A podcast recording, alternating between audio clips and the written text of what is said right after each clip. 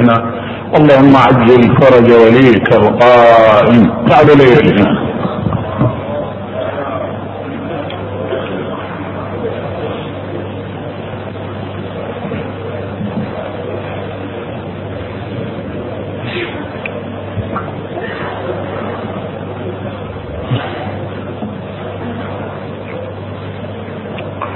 صلى الله عليك. يا سيدي ويا مولاي يا أمير المؤمنين. صلى الله عليك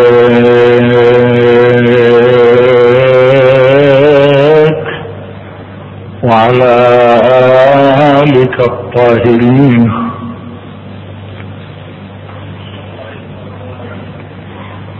يا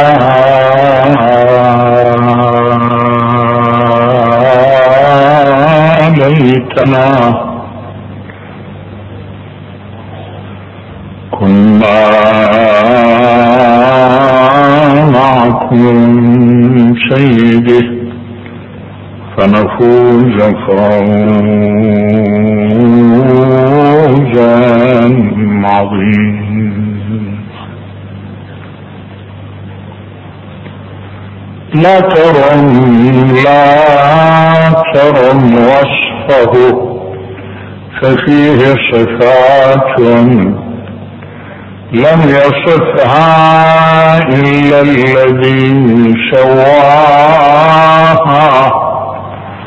ذاك رأس الموحدين.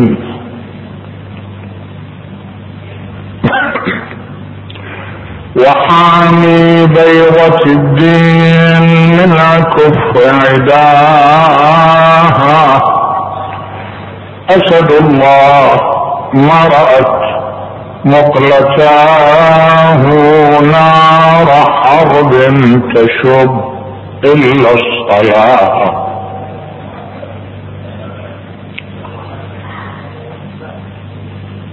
الصفات اللي اشار إليها الوزري رحمة الله عليه لا ترم وصفه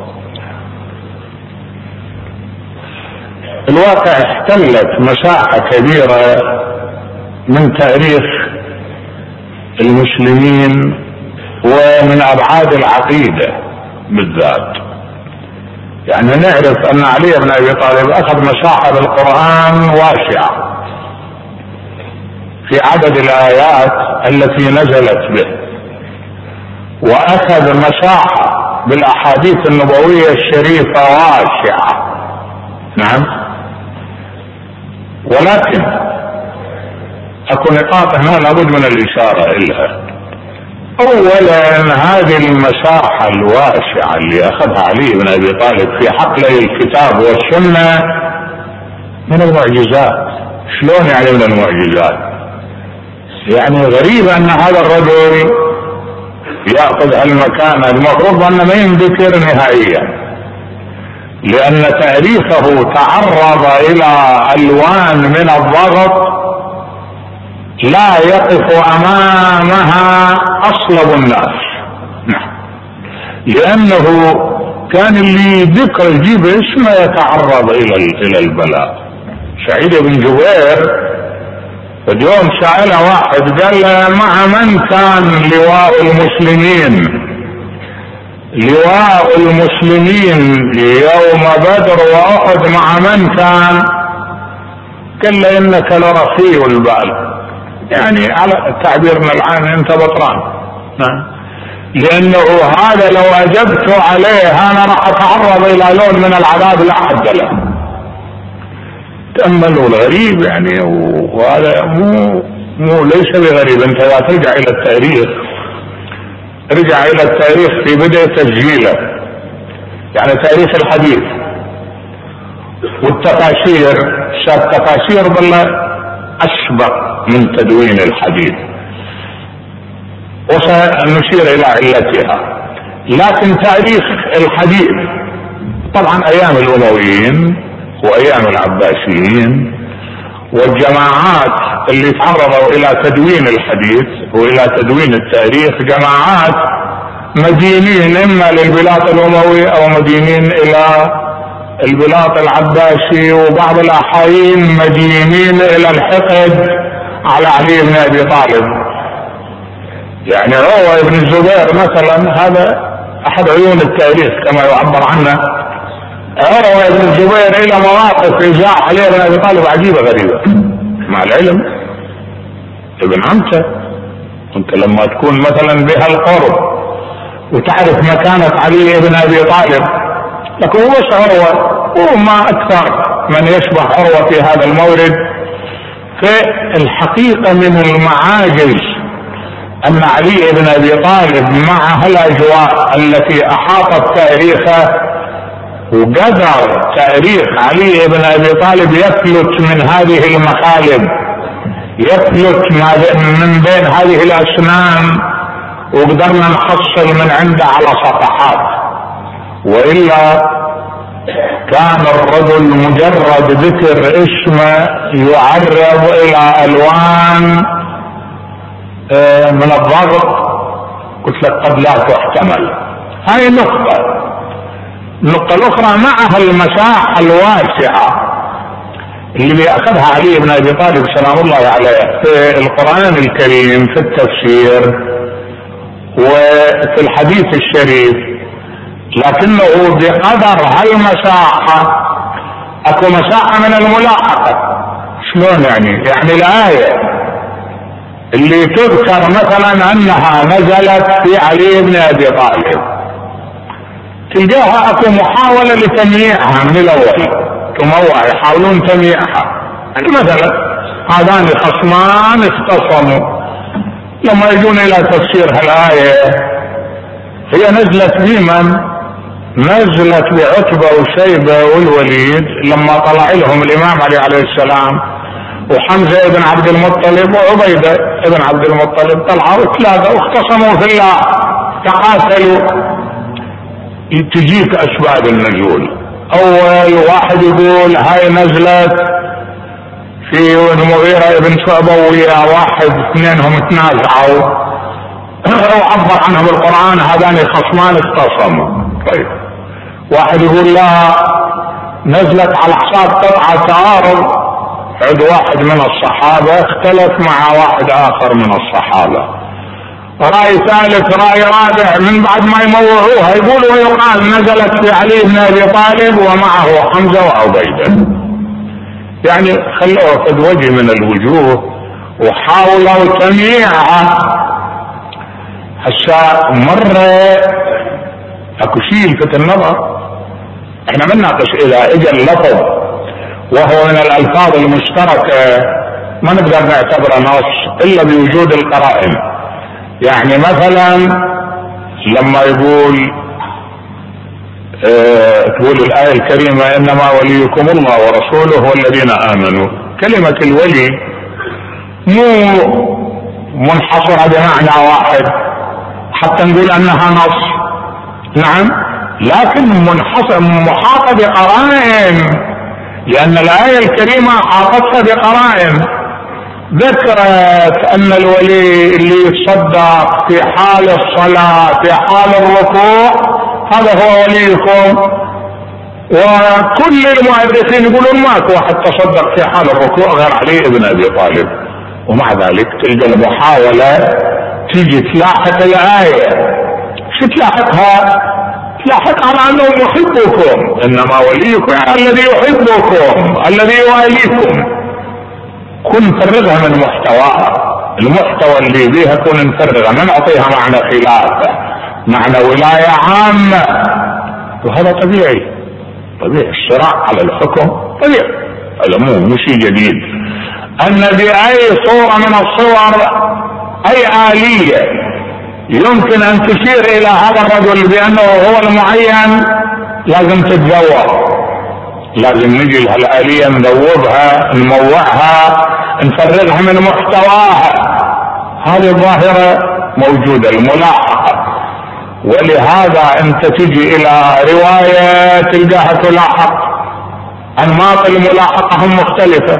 مثلا محمد بن علي الوهدي زين؟ يقول عنا صاحب آه، أحد الكتب كتب الحديث يقول روى عن فلان عن فلان عن أبي هريرة عن النبي أن النبي قال قسمت الحكمة تسعة عشرة أجزاء. أعطي منها علي بن أبي طالب تسعة وجزء للناس. طيب. هذا يجي الذهبي يقول هاي رواية منكرة. هاي لأنه هذا محمد علي ما معروف هذا منه محمد علي الوهبي. ابدا.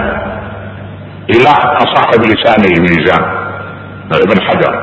صاحب لسان الميزان يقول لا هذا من الثقات ومن الرواة الموثوقين والرواية صحيحة على شرط الشيخين.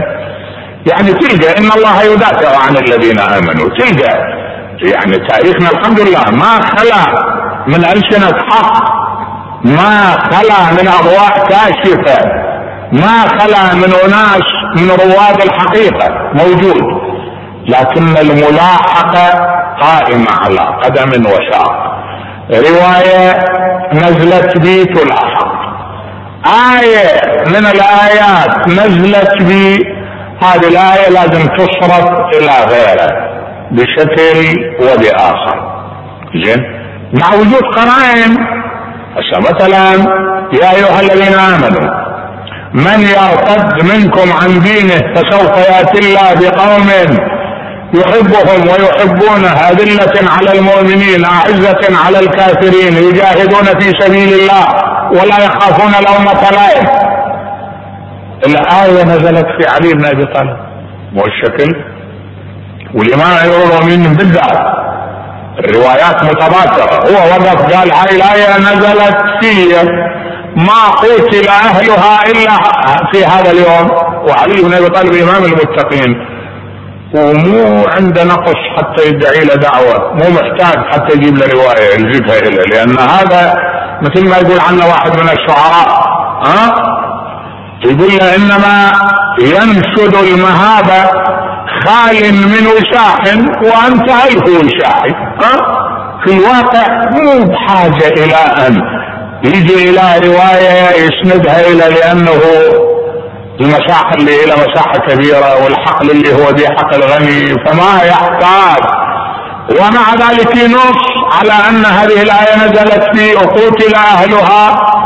وقف الإمام علي عليه السلام بالمعركة قال اليوم قتل أهلها. طيب. لكن مع ذلك تجي إلى المفسرين يقولون لا. هاي الآية ما نزلت في علي بن نزلت في الخليفة الأول لأن هو اللي قاتل المرتدين. من يرتد؟ يقول للمرتد هو مو فئة خاصة.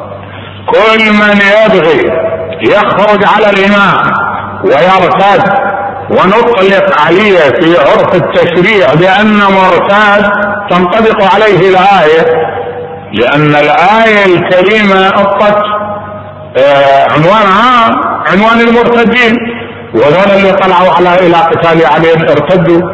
أنت مثل ما تعتبر اللي طلعوا إلى قتال الخليفة الأول ارتدوا. وهذا أيضا خليفة الخارج على طاعته مرتد نفس الشيء. والردة تجسدت عند هؤلاء في إنكار أمور معينة أنكروها. زين؟ والإمام علي نص على أن الايه نزلت هذا اليوم. بعدين الصفات اللي بها فسوف يأتي الله بقوم يحبهم ويحبونه وبهذا النص المعنى أثبته النبي لعلي بن أبي طالب. لو أعطينا الراية غدا رجلا كرار غير كرار يحب الله ورسوله ويحبه الله ورسوله. نفس النص. يحبهم ويحبون أدلة على المؤمنين يعني متواضعين. وعرف عن علي بأنه أبو تراب لأنه كان ينام على الأرض حتى يخلص التراب إلى جسده. لتواضعه أذلة أعزة على كان خشنا في ذات الله. زين يجاهدون في سبيل الله. وهو اللي يجاهد. والمقصود من الجهاد المباشرة. يعني الآن لفظ الجهاد قلنا فلان يجاهد يعني نستفيد من المباشرة. يعني ينزل هو يجاهد. زين؟ وماكو أنا مثل ما ذكرت لك أمس ما نزل واحد من الخلفاء إلى الجهاد مباشرة غير علي بن أبي طالب. كان هو اللي ينزل يأخذ سيفة يسوي سيفة بين ركبتيه على ركبتيه وينزل إلى الساحة يرجع وقد بنى على قدام عليه بنيانه. فالآية مع وجود هذه القرائن تلقى المحاولات تنصب على إبعادها عن علي بن أبي طالب. لاحظت؟ مع هالمساحة اللي أخذها؟ لكن هالمساحة هل سلمت لا يا أخي غريب يعني أنت قد تقول والله هذا المعنى كان بأيام الملك العظيم. كان في أيام الأمويين والنزاع محتدم. يا أخي الآن بالقرن العشرين القرن الواحد والعشرين الآن تلقى بعض الناس يجي أولا يقحم نفسه في ميدان مو ميدانه. يجيك نهائيا. ينفي إنما يريد الله ليذهب عنكم الرجس أهل البيت. عن أهل البيت يقول ما له علاقه باهل البيت. ابدا يتأمل جامعي. المفروض أن عقليته متنوره أن خلص منين؟ من ظلام التقليد من ظلام العصبية من ظلام الحقد والكراهة. لكن لا والله تلقى النسخة نفس النسخة. تتكرر ها؟ يوم بعد يوم تيجي نسخة متكررة. فعلى العموم أنا اللي أريده من هالمقدمة شنو؟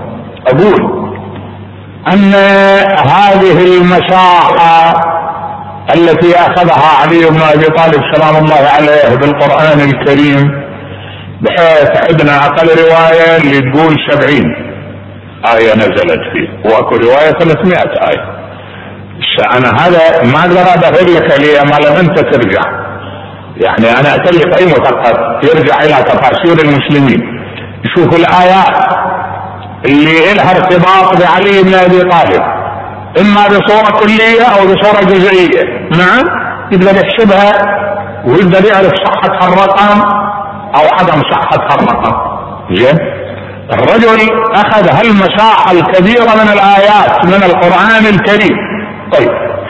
أما الأحاديث النبوية الشريفة فأخذ من عندها كمية كبيرة جدا لا يستهان بها. إلا أني أريد أن أسأل سؤال.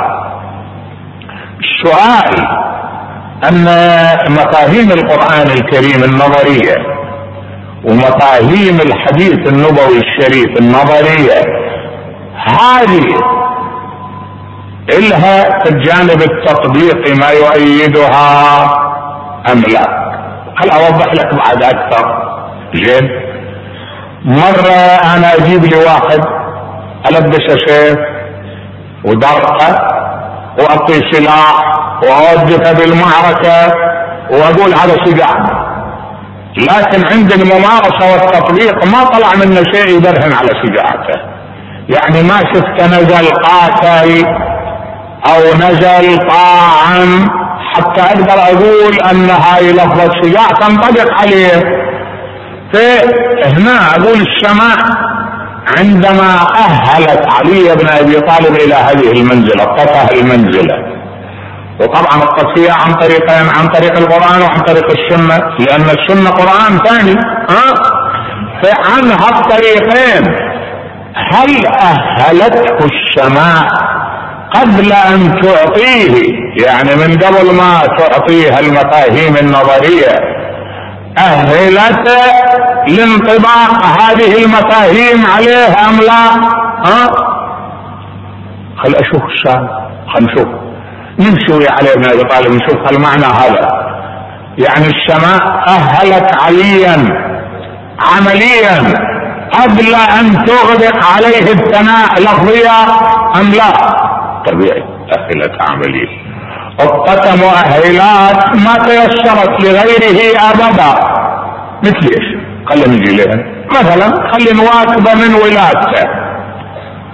من ولادته يزيد بن قعنب يقول إحنا قاعدين إلى جانب الكعبة. وأقبلت فاطمة بنت أسد وهي حامل بعلي بن أبي طالب. وجاءت إلى أن وصلت إلى الكعبة. تعلقت باستار الكعبة وقد قرب وضعها. فرفعت رأسها قالت اللهم إني مؤمنة بك. ومصدقة بكتابك ومصدقة لجدي إبراهيم الخليل وأنه هو الذي بنى بيتك العتيق. اللهم فبحق هذا البيت وما ومن بناه إلا ما يسرت عليه ولادتي. هنا هل أقول لك الملاحقة؟ شلون تجي؟ يزيد بن قعنب يقول رأينا الجدار انشق لها تنبه يزيد بن قعنب هاي هاي عبارته. بينما بعض المؤرخين يقول لا وضعته بالبيت. يعني هذا ممكن أن يكون لأي أحد. صدفه امرأة مقربة حامل وطبت إلى بيت من بيوت الله وضايقها الوضع وضعت. هذا ممكن يكون لكل إنسان. يعني ما في عنصر غير اعتيادي. بينما إذا لا انطلق لها الجدار ودخلت بقلب الكعبة معناه أكو عنصر غير اعتيادي. يعني اكو عنصر ما وراء طبيعة ها؟ فإذا كان كذلك شوف الملاحقة بالرواية الرواية تلاحق من هالجانب. جه فيقول دخلت ثم لما طلعت خرجت وعلى يدها علي بن أبي طالب ووجهه يصفح بشرى.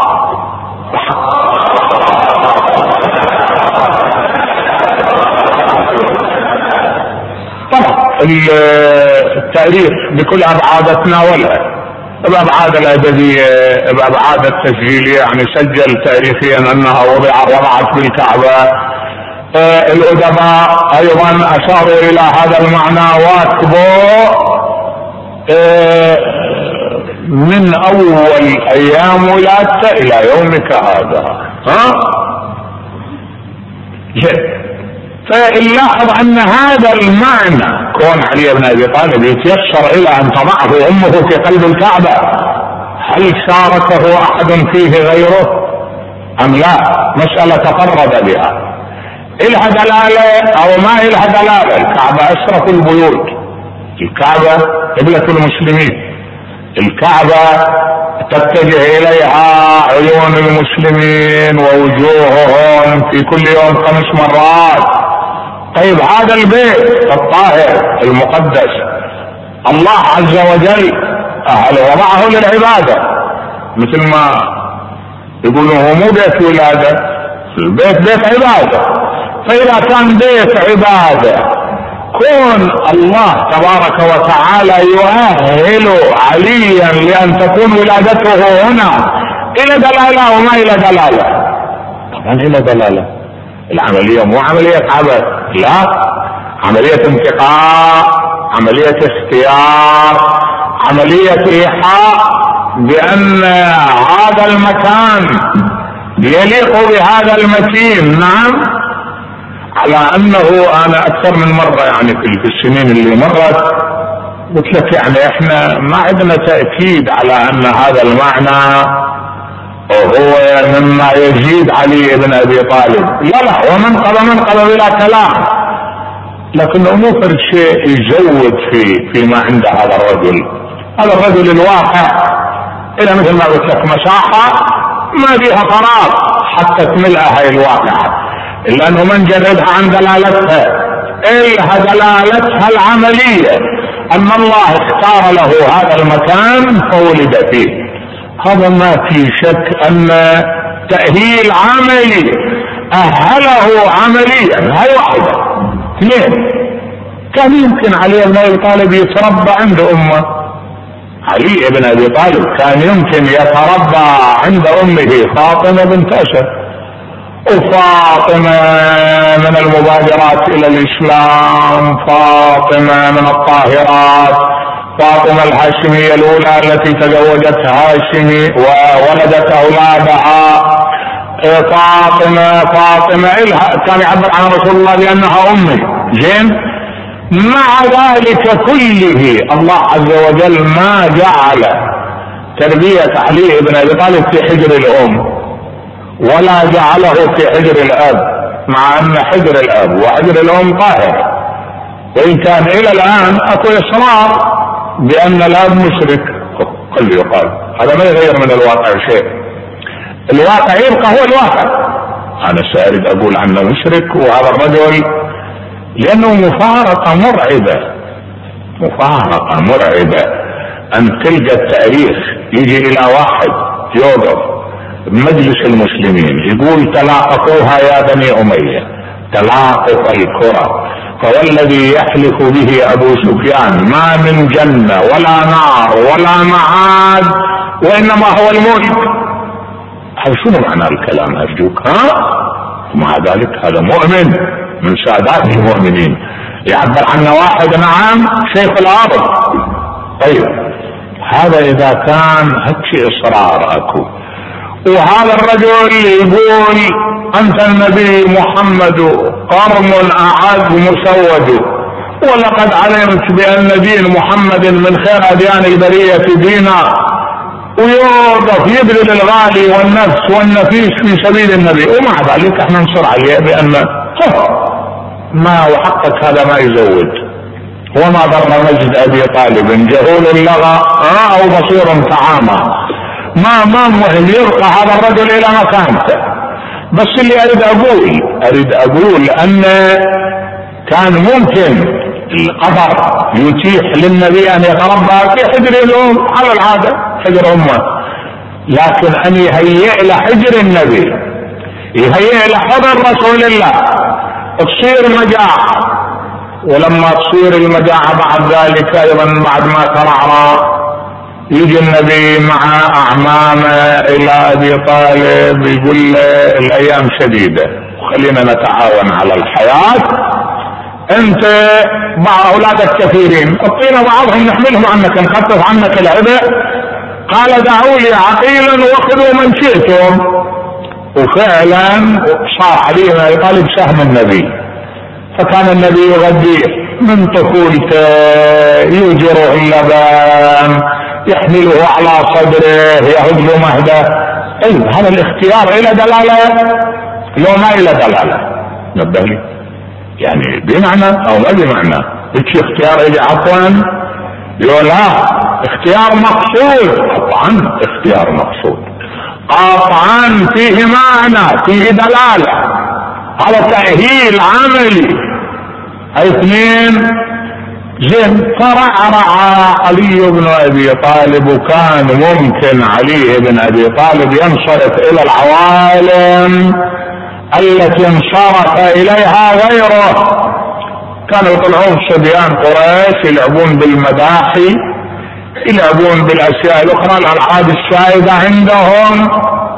هذا بمجرد أن ترعرع تلقفه حجر النبي وين انصرف انصرف إلى العباده انصرف إلى التحنث في غار حراء انصرف إلى ملازمة النبوة في أجوائها إلى أن هبطت أول آية من السماء على النبي وعلي بن طالب في غار حراء هل لهذا التأهيل من دلالة أم لا؟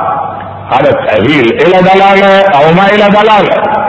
طبعا إلى دلالة ما في شك تأهيل عملي زين كل ذلك تأهيل عملي. طيب خلينا نجي إلى هذا الرجل في جوانب حياته.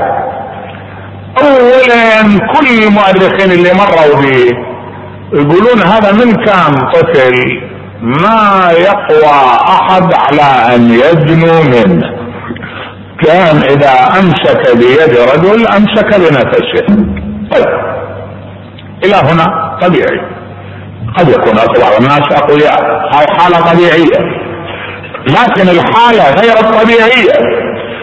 النبات طولها 18 ذراع وعرضها عشرة أذرع وسمكها تكونها ستة أشبار من الصخر الصلب يتمطى بها علي يقتلعها ها؟ ثم يرفعها مجنة يقاتل ويفرغ من القتال يجدها على طرف من الخندق تعبر عليها الرجال. ها؟ ماذا يعني هذا؟ يعني اللون من القوة. واحد يقول له سيدي أما اثقلت عاتقك هاي؟ قال والله كانت كالدرقة بين يدي. طبيعة الحال هاي القوة الطبيعية الاعتيادية للإنسان تعجز عن مثل هذا. إذا رجعنا للإنسان أي إنسان؟ نريد نناقش قوته نشوف أكو عنده قابلية لهذا؟ إذا بالطريقة الطبيعي لا قطعا ما له قابلية. ما ممكن هيك بهذا اللون من الضخامة ترتفع إلى أن تتحول إلى برقة. لازم وان يكون هناك عنصر غيبي اعداد أن هذا الساعد الذي يحمل هذه الباب بهذا اللون من الثقل هذا مؤهل لحمل الاعباء مؤهل لأن يحمل العبء. وإلا كون الإمام أمير المؤمنين سلام الله عليه يقتلع هذه الباب ويقاتل بها ويلقيها إذا أردنا أن نعرضه على المقاييس الطبيعية كآباء. ولهذا تلقى بعض الكتاب اذا مر يقول هذا غلو كلك ترى هذول ولاة ناس ولا ما يصير هذا ما معقول. لا انت بعد ان شافتك ألف عين. مش أنا أريد أشير لك للعلة من هذا شنو؟ لك خل أستعجل لك الإشارة إلى العلة. الإشارة إلى العلة أن التأهيل الحسي التأهيل العملي حتى لا يكذب. شو تتنبه حتى لا يعني خل اقرب لك المعنى. أنا لما أقول هاي قطعة الأرض عاشوا بها ألف واحد وماتوا كل واحد من يقول صدق هذا يشكر الدعوة؟ لكن لما أكشف التربة واطلع الاجساد وأشير القى لي ألف جسد مدفون هنا.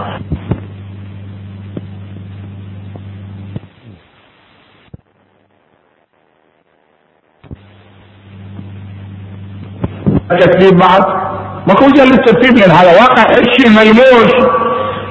هو المراد من تأهيل عمليا أن لا ينكر أن لا يطاله الإنكار لفظيا. لأن لفظيا أنكروا. أي منقبة تمر لوحقت وأنكرت مثلا إلا القليل. زين؟ لكن لما صارت عمليا يعني يقدر يجي واحد بعد ان شاف باب قبلها قلعها وحملها بيده.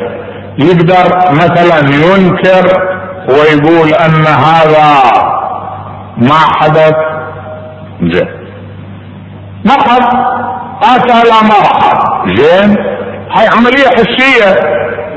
فأرادت السماء مثلا في مثل هذه الحالة. كون مقاتل يقاتل الأقران للتدليل على أن الشجاع في ساحة الجهاد الإسلامية.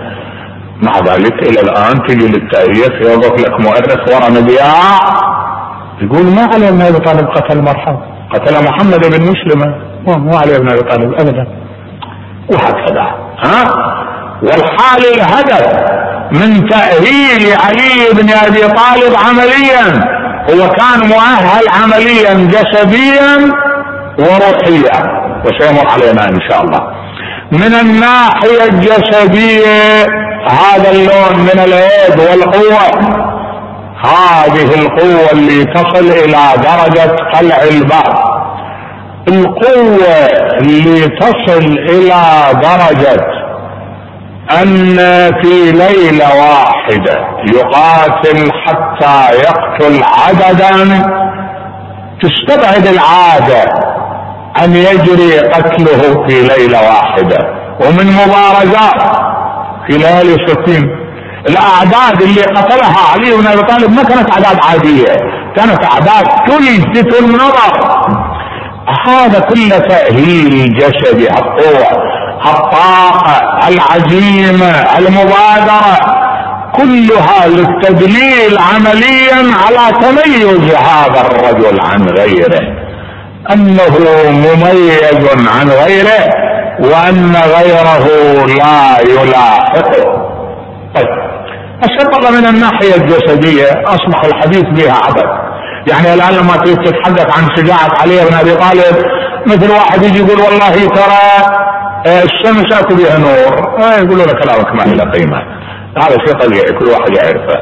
هذا الرجل أصبحت تلحق بالبداهة قضاياه. قضايا شجاعة تلحق بالبداءة وإلا مو صدفة 83 غزوة هو يحمل اللواء. 83 غزوة يحمل لواء المسلمين ويقاتل به ها؟ هذا على مدى ينم ينم عن أنه لم يشركه أحد في العنفوان الذي كان يحمله بحيث يأخذ اللواء. ويطعن به أغزر الكتائب واقواها بأسا وعزيمة لأن انت ما تصور الجماعة اللي كانوا تعرضوا إلى في الحروب أنماط يأشر لهم التاريخ بأنهم شكل مميز غير عادي. يعني عتبة وشيبة والوليد ونظائرهم من هالنوع من حملة الألوية الذين قتلهم على ماذا يدل هذا؟ يدل على أنه كان يتمتع بعزيمة وبقوة خارقة. جد. من ناحية البدن. خلينا نجي من ناحية النفس. شوية نبه لي والله. وعقيدتي. أن هذا الجانب أهم من الجانب الأول. شنو هو؟ يعني من الناحية النفسية انت سهل عليك أن تقاتل جسديا. لكن قبول بعض الأمور نفسيا مو سهل. ان خل اضرب لك مثل مروان ابن الحكم أساس كل بلاء إيش كثر تتصور اكو بلاء. هذا رأس أساسه. هو خلق المشكلة في أيام الخليفة الثالث مزق وحدة المسلمين. مروان كان غاية في ابتغاء كل ما يسيء إلى الدين. كان يستعمله.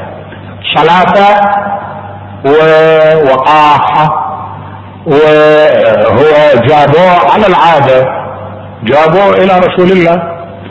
النبي صلى الله عليه وآله كان إذا واحد من المسلمين انولد يجيبوا له يسميه باركة ويسمي يعطيه اسم لما جابوا له هذا قالوا نحوه هذا وزن ابن وزن ملعون ابن ملعون بها التعبير.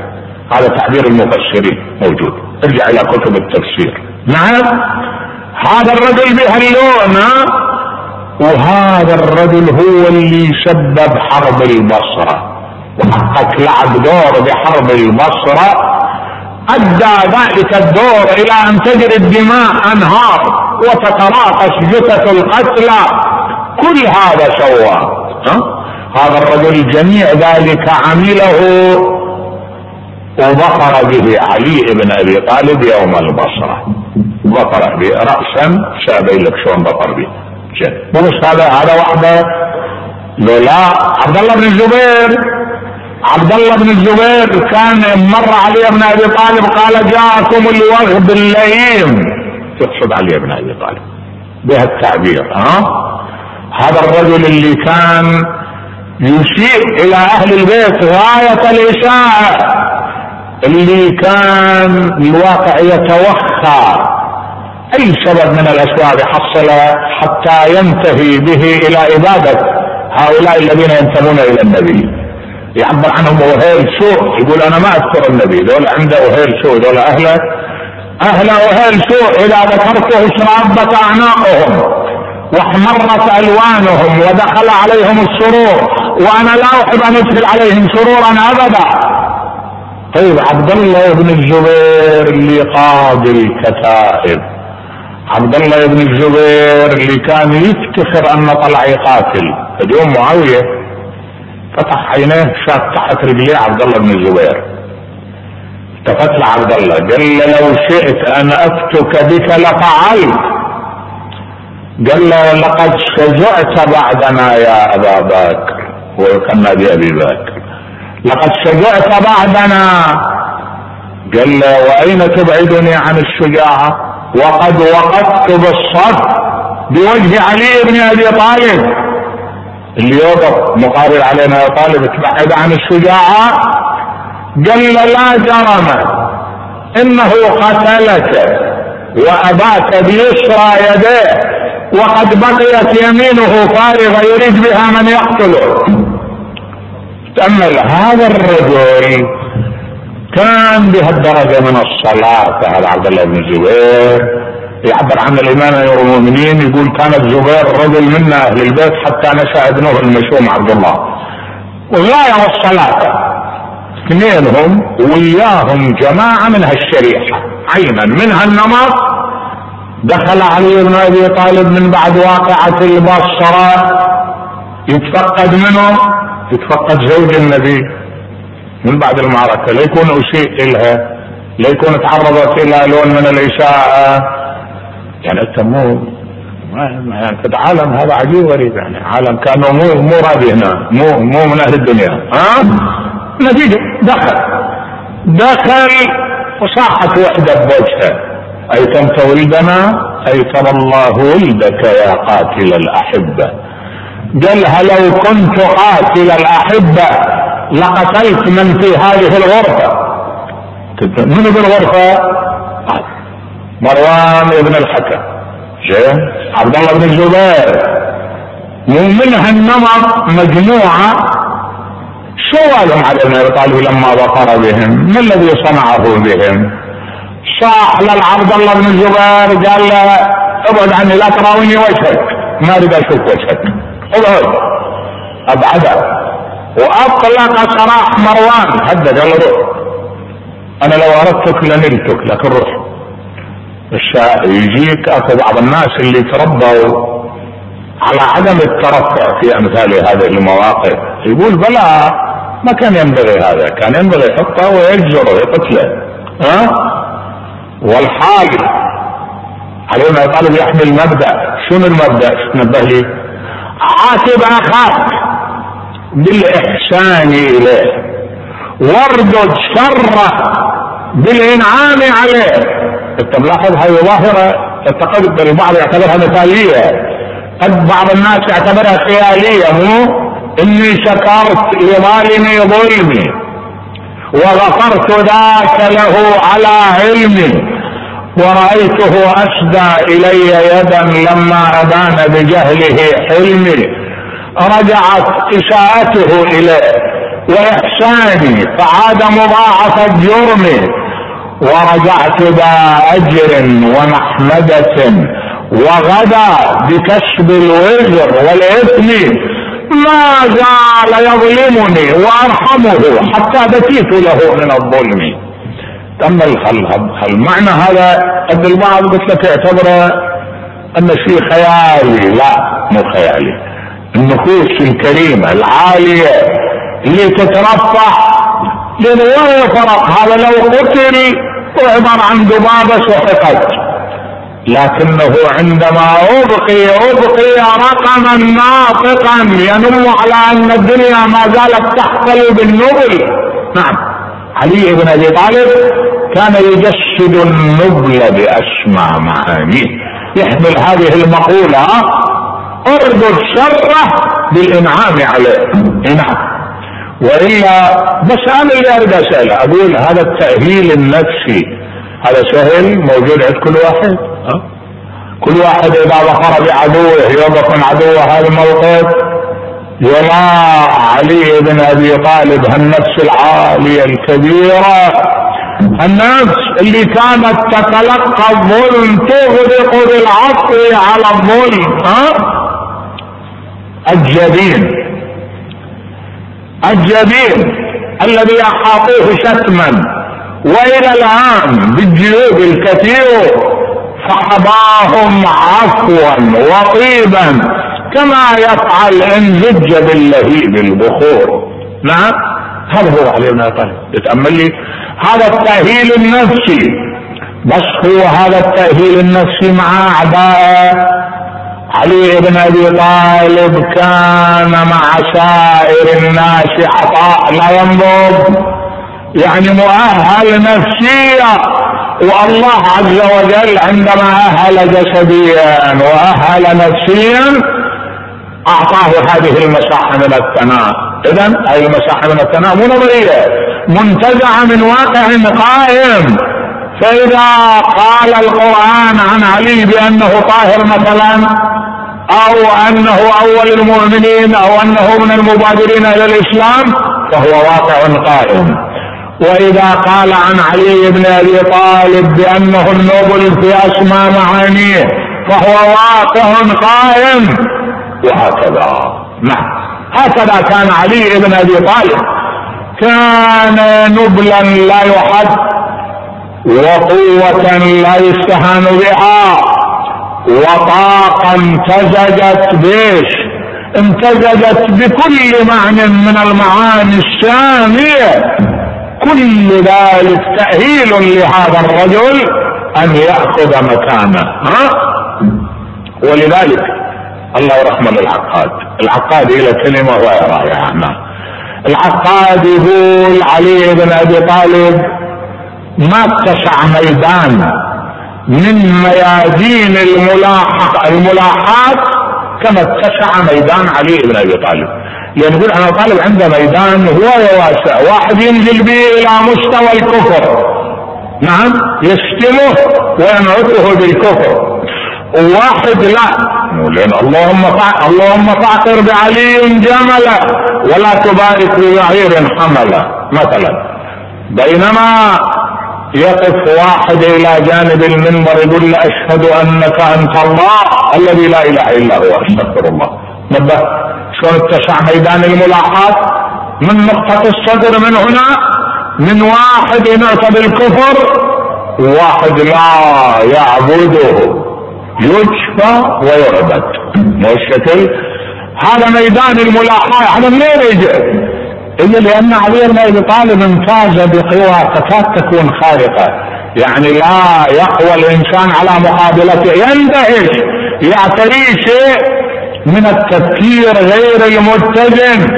أن هالمكان الرجل هذا تحار فيه العقول.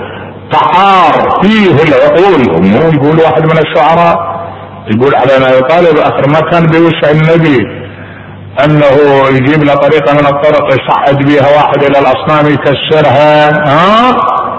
ينحني ويقعد على الأرض. ويقول للعلم يا طالب حط رجلك على كتفي وأصعد إلى الأصنام حطنها. يقول له يا رسول الله نفسي لا تطاوعني أحط رجلي على كتفك؟ يقول له هكذا أمرني ربي. نعم. يضع رجله على عاتقه ويصعد يتناول الأصنام يضرب بعضها ببعض ويقرأ وقل جاء الحق وزحق الباطل.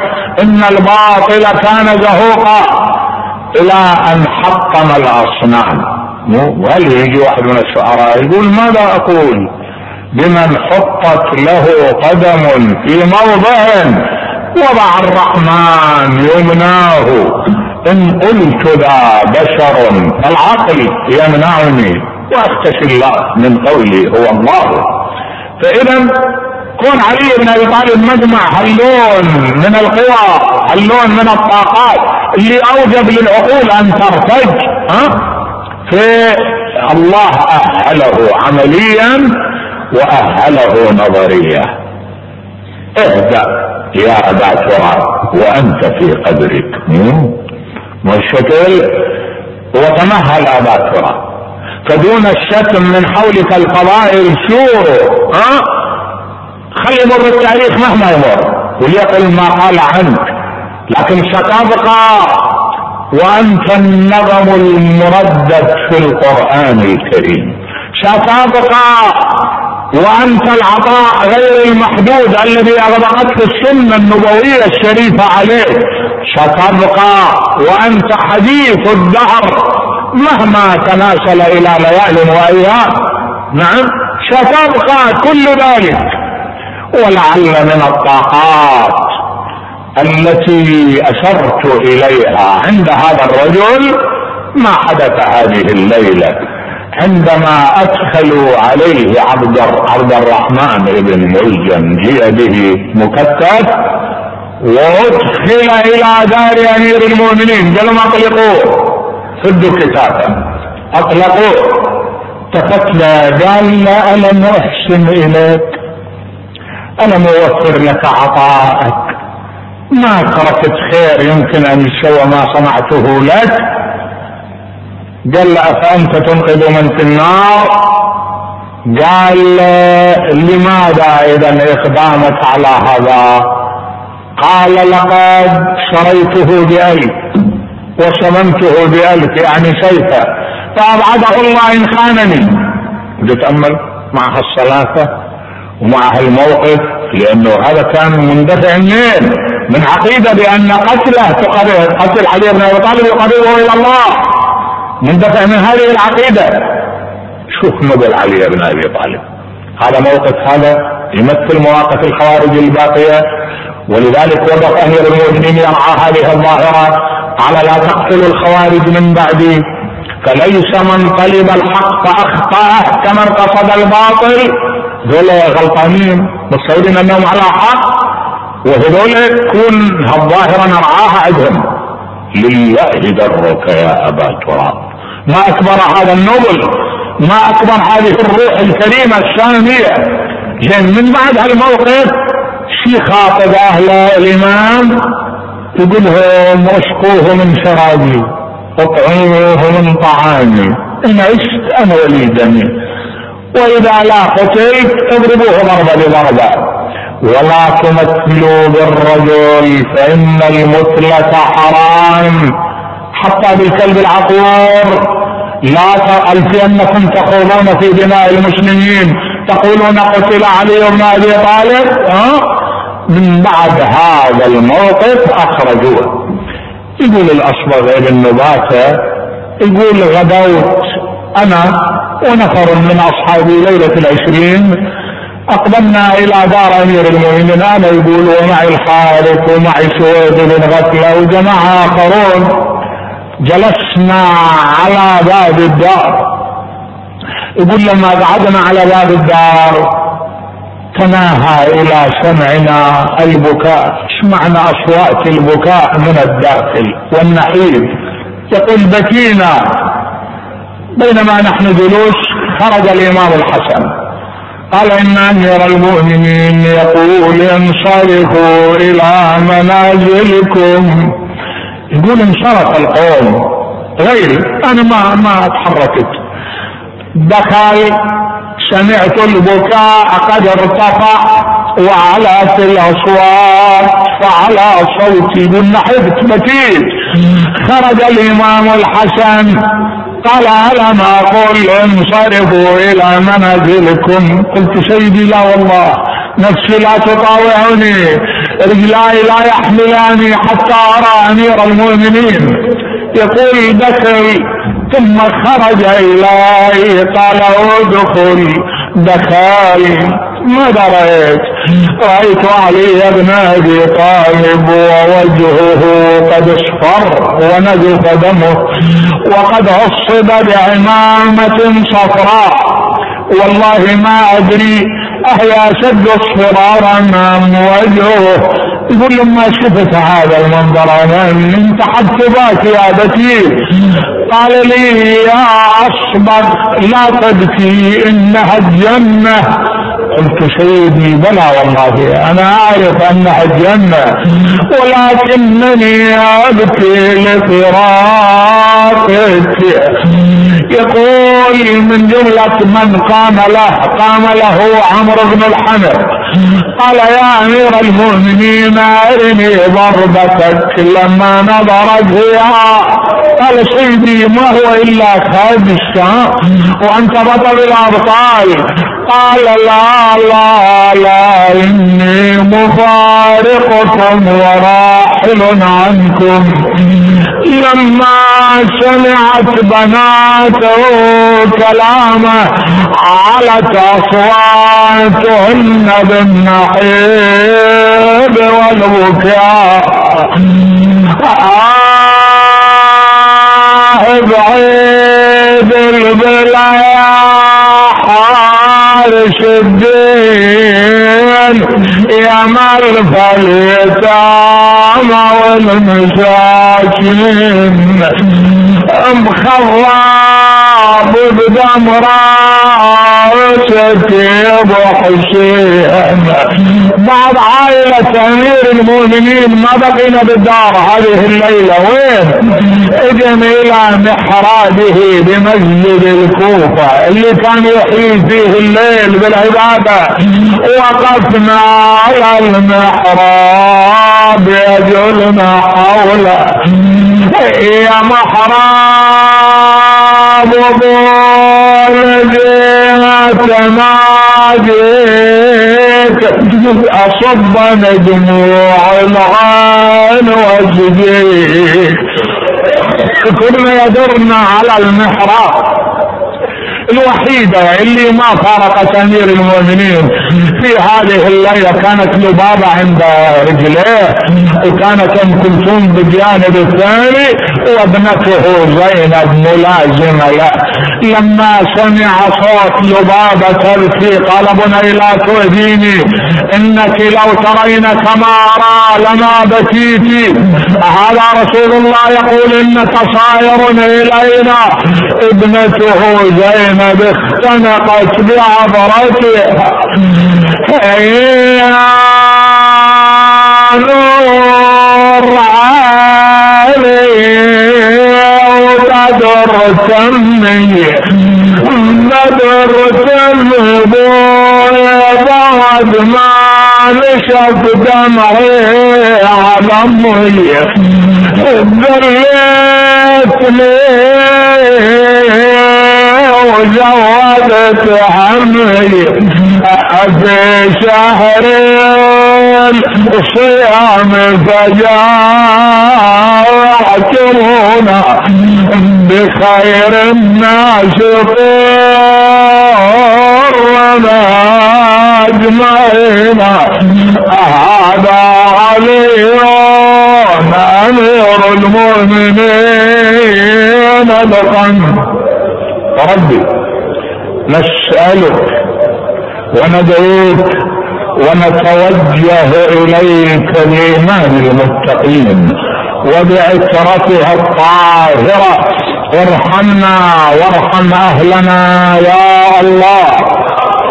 اللهم اجعل حضورنا هذا ودموعنا هذه وسيلة قربى إليك ومواساة لنبيك في شهادة أمير المؤمنين. اللهم ارحمنا به ولا تحرمنا من شفاعته يوم نلقاك. اللهم اسقنا من حوضه عندما نعرض بين يديك. الإخوة المؤسسون تقبل عملهم ولاماتهم مع امات الجالسين والمسلمين. بلغ اللهم الجميع ثواب الفاتحه